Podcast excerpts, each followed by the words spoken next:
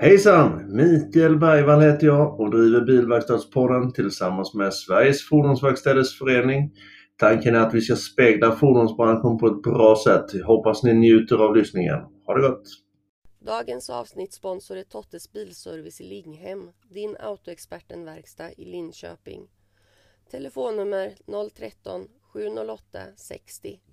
Tottes Bilservice, Autoexperten.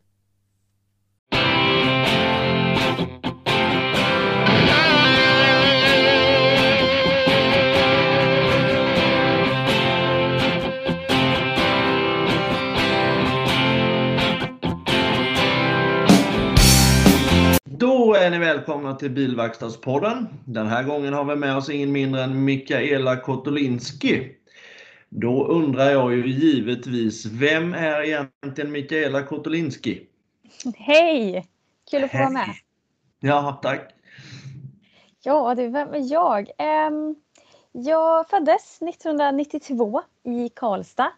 Och ja, jag har vuxit upp i en otroligt motorsportstokig familj. Min eh, mamma Susanne Kotelinski körde rally.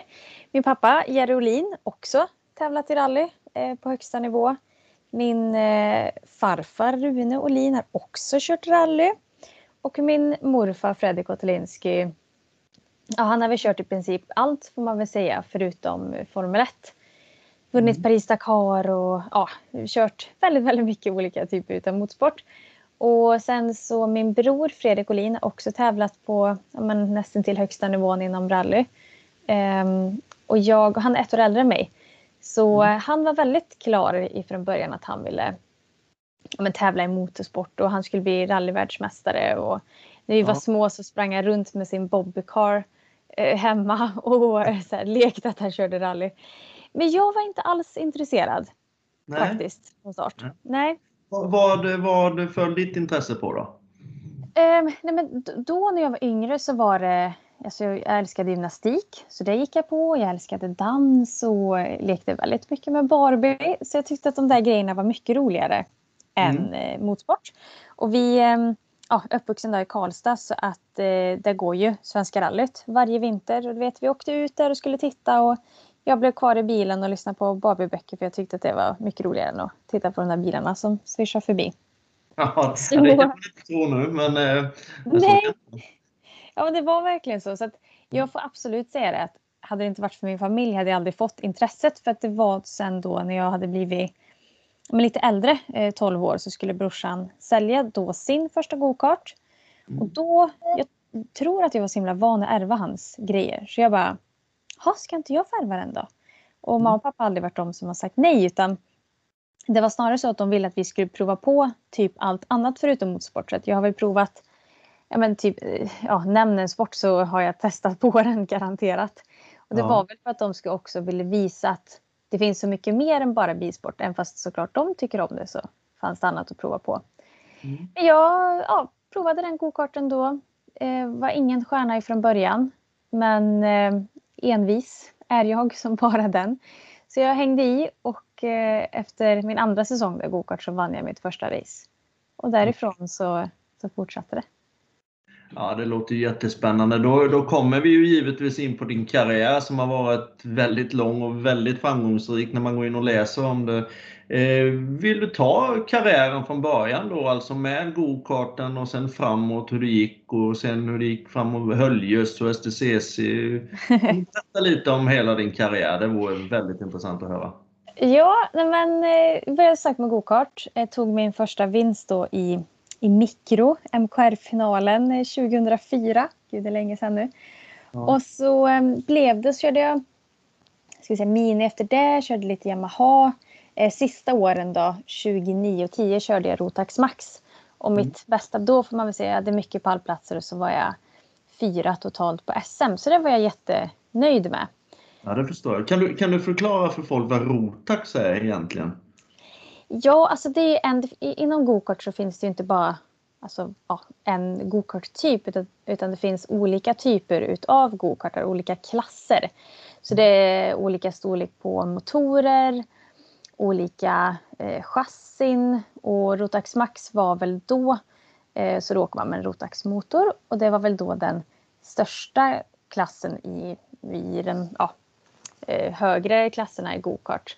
Jag tror, jag minns inte hur gammal man var tvungen för att vara för att köra där men, men man kunde inte vara liksom sex år gammal och åka utan, ja gud vad kan det vara, 13, 14 kanske, jag minns inte riktigt. Mm. Um, och då i alla fall, så den klassen körde jag då i, i mitt sista år. Så ja. Oftast börjar man i Kadetti som är minsta gokartklassen. Nu heter de annat nu för tiden för det byts namn. Men på min tid så var det liksom Kadetti, Mikro, Mini, Yamaha och sen så sista steget Rotax Max. Mm. De flesta racingstjärnor och rallystjärnorna och eh, de som håller på med de idrotterna, de mm. eh, börjar med gokart, är det inte så? Ja, det är väldigt, väldigt vanligt. Det är ju mer ovanligt att man inte kört gokart alls. Eh, tittar man på Johan Kristoffersson till exempel så har inte han kört någon gokart och det är väldigt ovanligt att man inte har gjort det för man bygger mycket man bygger mycket grund när man startar med gokart. Man får mycket körning, mycket körtid. För det är mm. någonting som man inte får sen. För det är klart det är absolut dyrt med gokart. Det är inte någonting man ska säga men, men du får mycket mer mängdträning i, kör, i körning av gokart. Man får sen när man kommer upp till nivåer som STCC och så. Mm, mm. Det gäller spåravval och alltihopa sånt. Är det samma tankar man har inom gokarten som i racingbiten om man säger så? Ja men ganska, kan skilja sig lite. Eh, men, men de här grunddelarna som du säger med alltså grundspårval, sen kan det vara små ändringar. Eh, men mm. grundspårval, som hur man bromsar, hur man går på gas, omkörningar. Sådana saker bygger man väldigt mycket ja, men, rutin och kunskap från i gokartkörningen. Ja, ja. Sen då, var det 2012 du började köra Sirocco Cup? Var det junior? Ja, precis.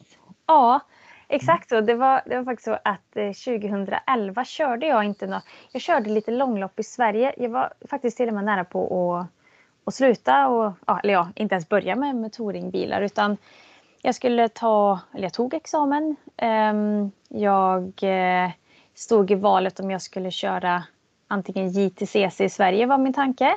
Eller åka till USA och dansa i ett halvår. Mm. Men så fick jag ett mail mm. ifrån en på SPF som skrev att FIA, alltså och FIA är ju högsta instansen för motorsport för alla grenar så det är typ som Fifa i, ja, men i fotboll. Och då har de en division som heter Women in Motorsport som promotar att eh, ja, kvinnor tar sig in till motorsport både som förare, mekaniker, ingenjörer, teamchefer och så vidare. Och då ville de supporta en tjej till då den här serien, Volkswagen Sirocco R-Cup. Mm. Så jag fick ett mail om det. Skickade in en ansökan att jag ville ja, vara med på den här uttagningen för att bli eh, utvald. Mm. Och um, då fick jag chansen att vara med på den här uttagningen. Så det gjorde jag hösten 2011 då. Eh, så det var jag och... Det är vi alla väldigt tacksamma för kan jag säga.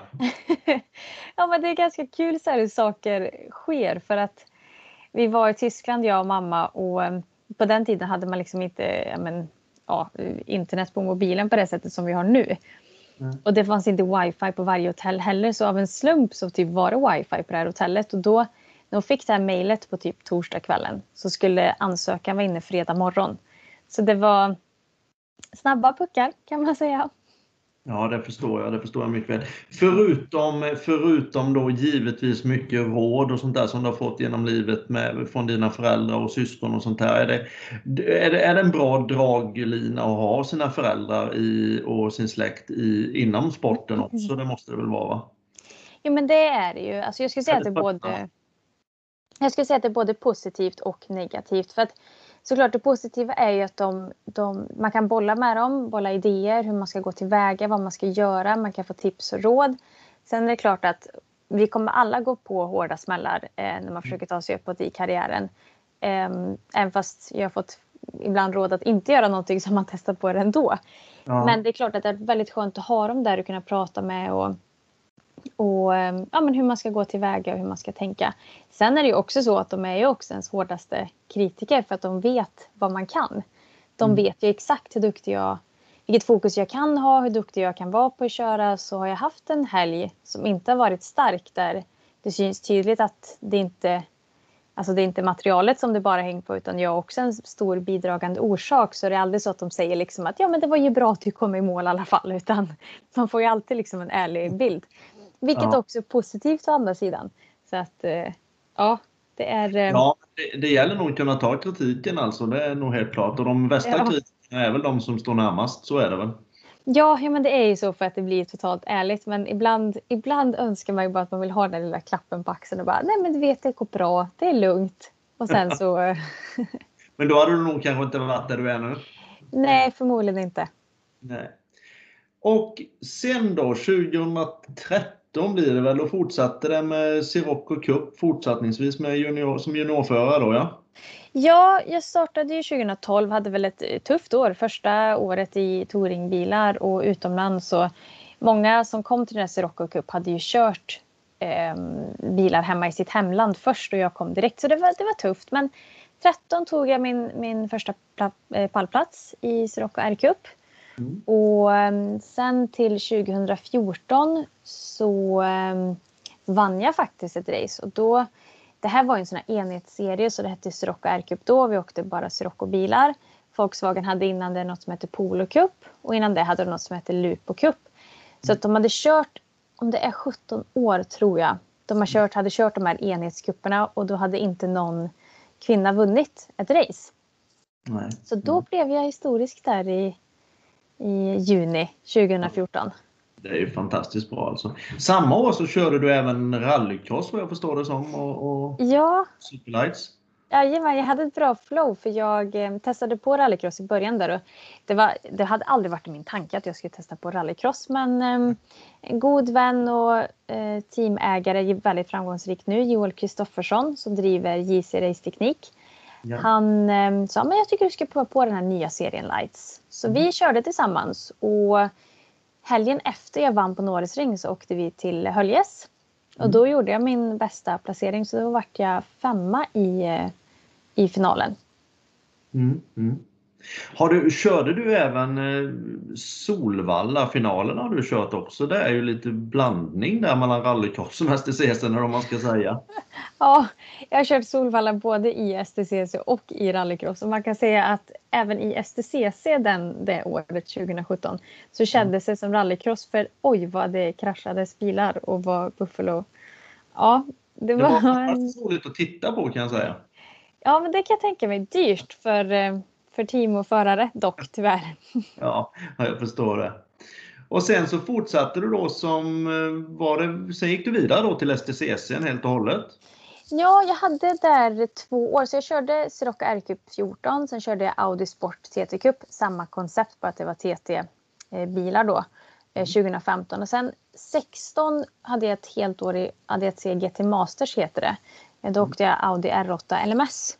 Och sen till 2017 så fick jag frågan ifrån Daniel Haglöf om jag var intresserad av att, att köra en Audi i STCC. Mm. Mitt sikte var väldigt inställt på Tyskland. Så mitt mål var att men, jag ska åka GT Masters, R8 LMS, sen ska jag ta till DTM. Så ska mm. min karriär bli. Ja.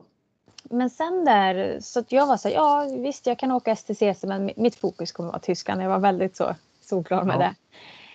Eh, och sen blev generellt sett 2017 ett väldigt tufft år. Tufft i GT Masters, extremt tuff serie. Eh, tufft att ta mig in STCC här i Sverige.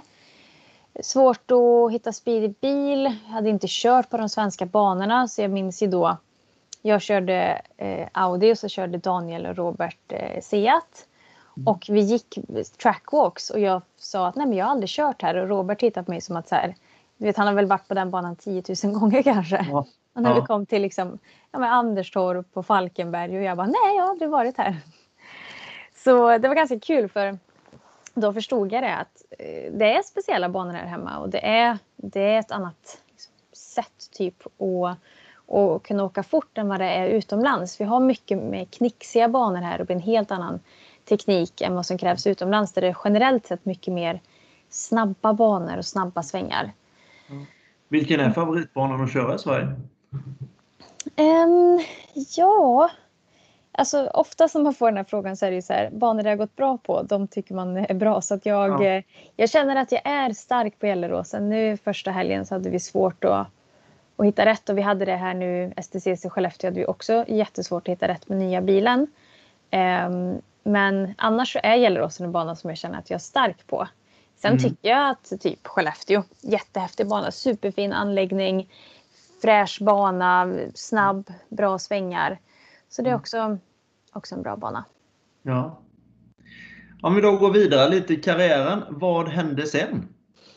Ja men sen hände det ju då att det, det blev inte Tyskland fortsatt utan Nej. Eh, till 2018 var jag också lite så här, inte helt säker på om jag skulle fortsätta. Mm.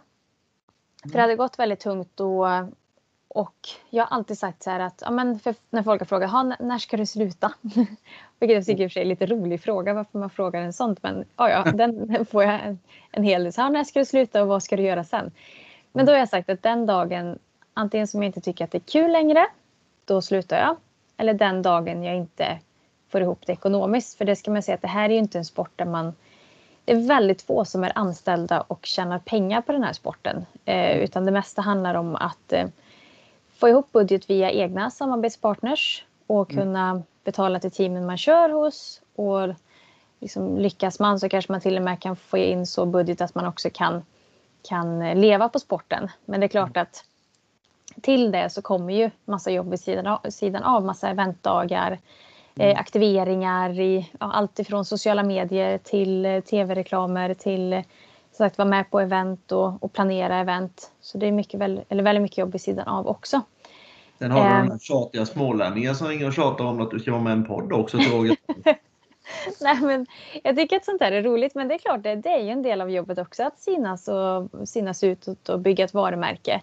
Mm. Men eh, det är också så att ja, det, ska, det ska vara en balans med, med att hitta rätt fokus och kunna, kunna prestera på, på racinghelgerna och vid sidan av. Men då i alla fall 2017 där så um, var jag nästan så här att nej men jag tycker inte att det här är roligt längre. Och jag minns att jag tänkte det att gud, jag, har aldrig, jag skulle aldrig tro att jag skulle sluta för att jag inte tyckte att det var roligt. Men det blev, det blev för mycket sånt där jobb vid sidan av.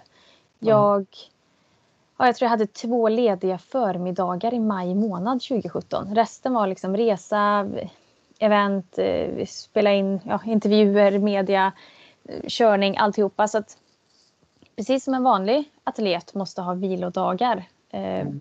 behöver jag det också. Men jag mm. tog mig inte det då. Så att det blev lite krock. Men ehm, då, då var det ändå så här att, att PVR och eh, Red Bull Sverige mm. och även Continental sa att Nej, men du, vi, vi tror på dig. Åk, gör en grej, det ska kännas rätt.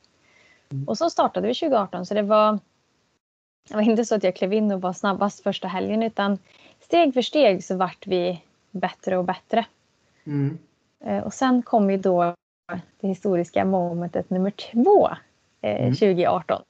Ja. Och det var ju då på Gelleråsen. Då um, vann, ja, vann jag, eller vann vi tillsammans, teamet på verkligen säga Team Effort, mm. eh, ett race då. Och det var också då som första kvinna i STCCs 23-åriga historia. Ja, det är riktigt, riktigt bra alltså. Är det, det är en fråga vi kommer att komma tillbaka till lite sen, hur man ska få in kvinnor mer i, i racing och, och den här bilbranschen överhuvudtaget och, och den mm. sporten som du håller på med, men det kan vi ta lite senare.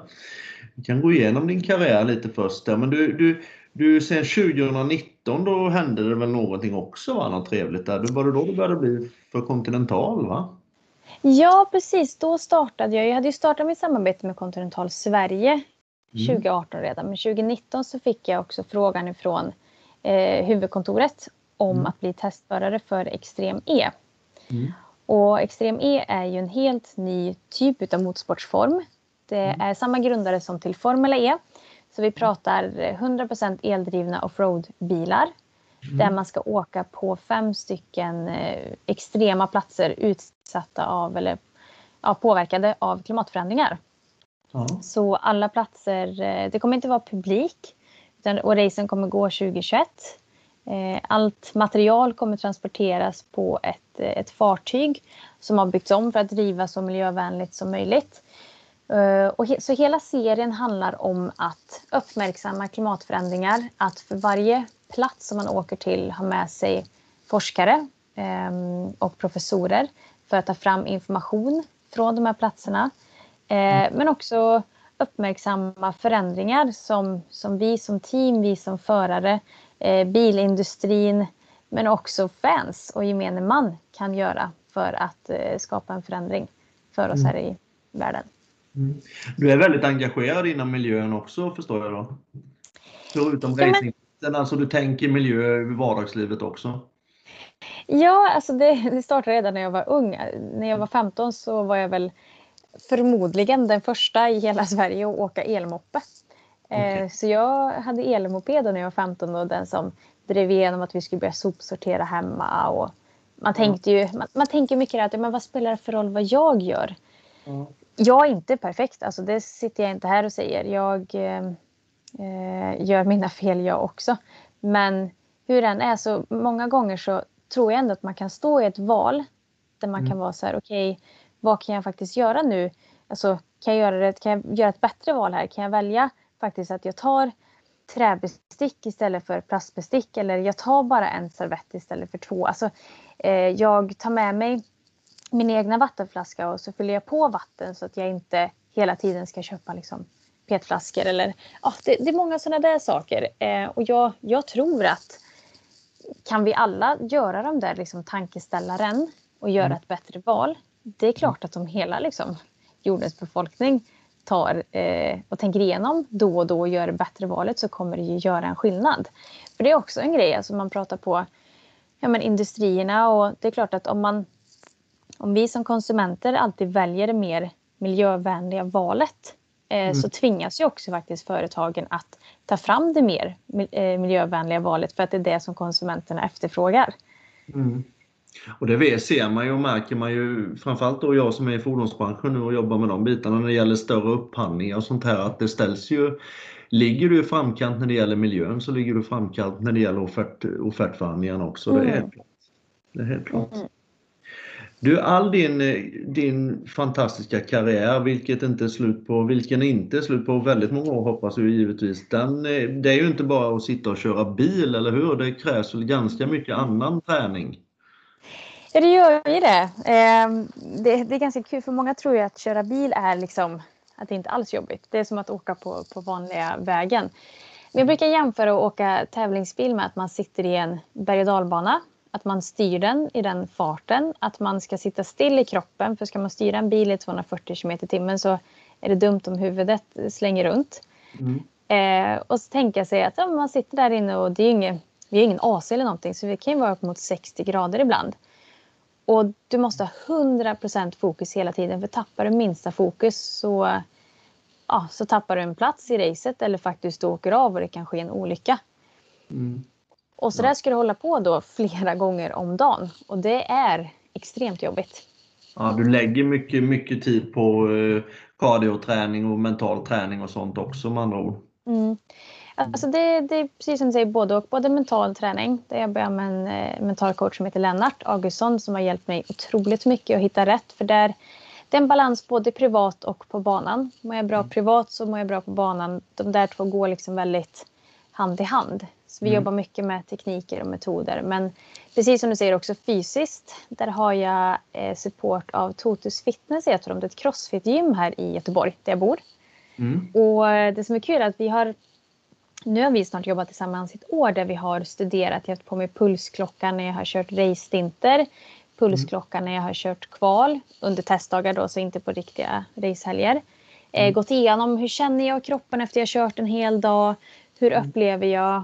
Och där vi kommer fram till det här att jag behöver egentligen vara mer tränad än vad som just krävs för min sport. Just för att man inte ska kunna tappa det där fokuset. Så ja. jag ska kunna ligga och ha Liksom jag ska vara så pass tränad så att min puls är så låg som möjligt så jag blir så lite trött som möjligt så att mer energi kan gå åt att fokusera på det jag gör än att bara orka göra det jag, det jag ska göra. Ja, ja. Ja, jag förstår det. Det krävs väldigt många timmar. Alltså du, du lever i det hela om man säger så. ja, men det gör jag. Jag skulle ja. säga att under, under tävlingssäsong, som oftast då, eh, förutom coronatider, är ja, men april till oktober Mm. Under den tiden så är det mest, eh, nästan 100% fokus på tävlandet. Så det är tävlande i kombination då med sponsoruppdrag och event och, och de bitarna. Och sen så under vinterhalvåret så jobbar jag mycket som förarinstruktör. Ja, just det. Hur funkar det? Förarinstruktör, håller du kurser och utbildningar då för folk eller hur? hur? Ja, allt ifrån eco-driving-utbildningar till kör och säkerhetsutbildningar, lära sig att göra en bromsundanmanöver, hur hanterar man en sladd, till mm. ren och skär körglädje, åka runt på en stor is som man plogat upp en snabb bana på som man åker och åker på sladd och hur man ska åka fort. Och, och, mm. och även fast det är extremt roligt att köra på isen så är det också väldigt läro, lärorikt för att man lär sig hur bilen arbetar, hur den fungerar, vad man själv kan göra. Alltså mm. car control som man pratar på det ger också mycket värdefull körning även till när man åker på bana. Ja, men det förstår jag. Vi har ju en liten fråga, den kan jag ta upp med dig när vi någon sitter. Det diskuteras ju ofta om de bästa däcken ska ligga fram eller bak på en bil och eh, du har ju testat ofantligt mycket däck förmodar jag? Eh, ja. Eh, har du även testat sådana saker? Eh, nej, det har jag faktiskt inte. Det, det, som, det beror ju såklart lite på vad man, man pratar Tittar man på STCC-bilarna som är då framhjulsdrivna bilar mm. så jobbar vi absolut mest att ta de bästa däcken i fram. Så mm. alltid när vi kör nya kval till exempel, då tar vi helt fräscha däck i fram och så åker man lite mer slitna i bak för att man ska få mer rotation i, i bakvagnen. Eh, så, så ser det ut när vi åker ja, men STCC. Eh, sen skulle väl jag rekommendera att kör man på isen till exempel mm. och eh, åker ja, fyrhjulsdrift så mm. skulle jag väl säga att för att få harmoni i bilen så är det ju det bästa att ha ha fräscha däck runt om. Mm, mm, så är det givetvis. Ja, vad är det som har gjort dig så framgångsrik nu då? Jag vet att du har en jävla vilja helt, ut, helt enkelt. Men vad är det mer som gör dig så framgångsrik som du är?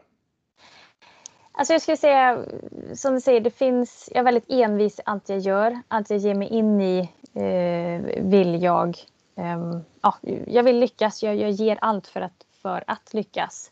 Mm. Sen skulle jag säga också att jag har ett väldigt bra team omkring mig som supportar mig och hjälper mig. Och, alltså tittar jag på min mentala coach, eh, min familj som supportar mig otroligt mycket. Eh, även rådgivare. Jag har jobbat med en som heter Göran Olsson som har jobbat med många eh, motorsportsatleter. Jag har fått otroligt bra råd av honom. Så jag har, jag har en grupp människor eh, kring mig som, som tror på mig och, eh, och supportar mig. Och det är klart, det är lätt när det går bra. Det är väldigt lätt att ta beslut och det är väldigt lätt att kämpa vidare och ha passionen och, och glöden för sporten när det går bra. Mm. Men det är väl just i de här tuffa stunderna eh, och det ska man inte sticka under stol med. Vi har startat STCC-säsongen nu, kört två helger av fyra och det har inte alls varit i närheten. Förra året var jag liksom på pallen ja, varje racehelg förutom en. Och nu mm. i år har vi inte ens varit nära. Så det är klart att i de här stunderna så är det otroligt tufft. Och det är då man är ännu mer tacksam över de här personerna som är kring en och tror på en och supportar en. Ehm, det betyder väldigt mycket. Ja, det förstår jag. Det förstår jag. Är det nu något Ja, jag, en sak är det jag ville fråga också. När det gäller coronabiten, hur har den här säsongen, har den helt förstörts för er eller hur, hur, hur har det varit? Ja, inte förstörts, men det har ju blivit väldigt annorlunda. Och, eh, ja, vi skulle startat i maj, vi skulle haft sex stycken racinghelger, vi skulle haft fler ja. testdagar. Mm. Nu blev det fyra racinghelger min bil blev levererad i slutet på juli istället för mitten på april. Mm. Så det är mycket tid och det är mycket saker som har eh, verkligen försenats och i vissa fall kanske stressats ihop vilket gör att ja, vi, vi, vi släpar efter lite känner jag. Man, ja, vi försöker liksom jobba ikapp och hitta rätt men, men det har blivit stressigt så här på slutet för att få ihop allt. Mm. Och det, men å andra sidan så är jag också väldigt glad över att den, man kunde möjliggöra att det skulle bli någonting. Eh, mm. STCC har gjort det bästa de kan för att se ihop ett bra program. PVR har gjort det bästa de kan för att eh, också se ihop eh, bra och, och, få ihop det till säsongen. Mm. Så, um, så det är jag glad över. Ja, att det blev något till slut. Och satsningen för 2021 den fortsätter. Jag är inte den som frågar när du tänker sluta utan jag hoppas ju att du håller på så länge som möjligt. Men du satsar fullt för inför nästa säsong också. Ja, men det gör jag. Alltså, jag vill fortsätta. Eh, jag tycker att eh, jag älskar att köra bil och, och älskar att tävla. Eh, så även om det har varit väldigt tung start nu så vet jag att, att passionen och glädjen finns där. Så det är klart att jag vill fortsätta. Sen eh, ja, vad det blir, Extrem E startar ju till nästa år. Eh, mm. Där skulle jag gärna vilja vara med och köra. Eh, STCC vill jag gärna fortsätta vara med och tävla i. Eh, sen så tror jag ju väldigt mycket på elektrisk motorsport. Så som, som Extrem eller ETCR, alltså de TCR-bilarna som ska byggas om och bli 100% eldrivna. Mm. Så, så det är en väldigt spännande resa just nu. Men sen också som du tog upp tidigare här med, med att få in kvinnor till motorsporten. Mm. Det är en förändring som sker i det stora hela motorsport. Både när det kommer till då den omställningen till elektriskt men också till att faktiskt aktivt jobba för att få in kvinnor till motorsporten. Extrem E har eh, till exempel som en, eh, en regel att varje bil ska ha en kvinnlig förare och en manlig förare. Vilket skapar helt plötsligt en plattform för fler professionella eh, kvinnliga racingförare för att tävla på högsta nivån. Mm. För att för att få in fler kvinnor till motorsporten så det räcker inte att bara säga att man, man vill det utan man måste som organisation, man måste som team eh, aktivt också jobba för det och också visa på att man, man vill ha den här personen i teamet. Sen är det klart att man inte ska ta in någon på grund av kvotering för det, det, kommer, aldrig, det kommer aldrig kännas bra. Utan det är klart att man ska ta in eh, en kvinna för att man känner att hon hon platsar där. Hon platsar för att vara där som, som teamchef eller mekaniker eller ingenjör eller som förare. Mm. Ehm, och har man då men jag tror också att det är viktigt att aktivt gå ut och säga att man, man vill få in, eh, man vill få mer jämlikt hos sig i teamet eller organisationen. Mm. Eh, för då tror jag också att det är fler kvinnor som faktiskt träder fram och söker de här platserna. Eh, det krävs ändå ganska mycket mod att våga kliva in till en traditionellt sett mansdominerad bransch. Men finns det då ett, en uttalad önskan eh, att man vill ha kvinnor så tror jag att det är fler som kommer vilja söka den platsen eller rollen. Det tror jag också. Jag tror det gäller även inom bilverkstadssidan och de här bitarna för det behövs blandas upp så det blir, blir både män och kvinnor i branscherna både inom racing, rally och bilverkstäder och allting. Det tror jag definitivt. Mm. Mm. Ja, du Mikaela, avslutningsvis, är det någonting du vill avslöja som inte någon känner till om dig?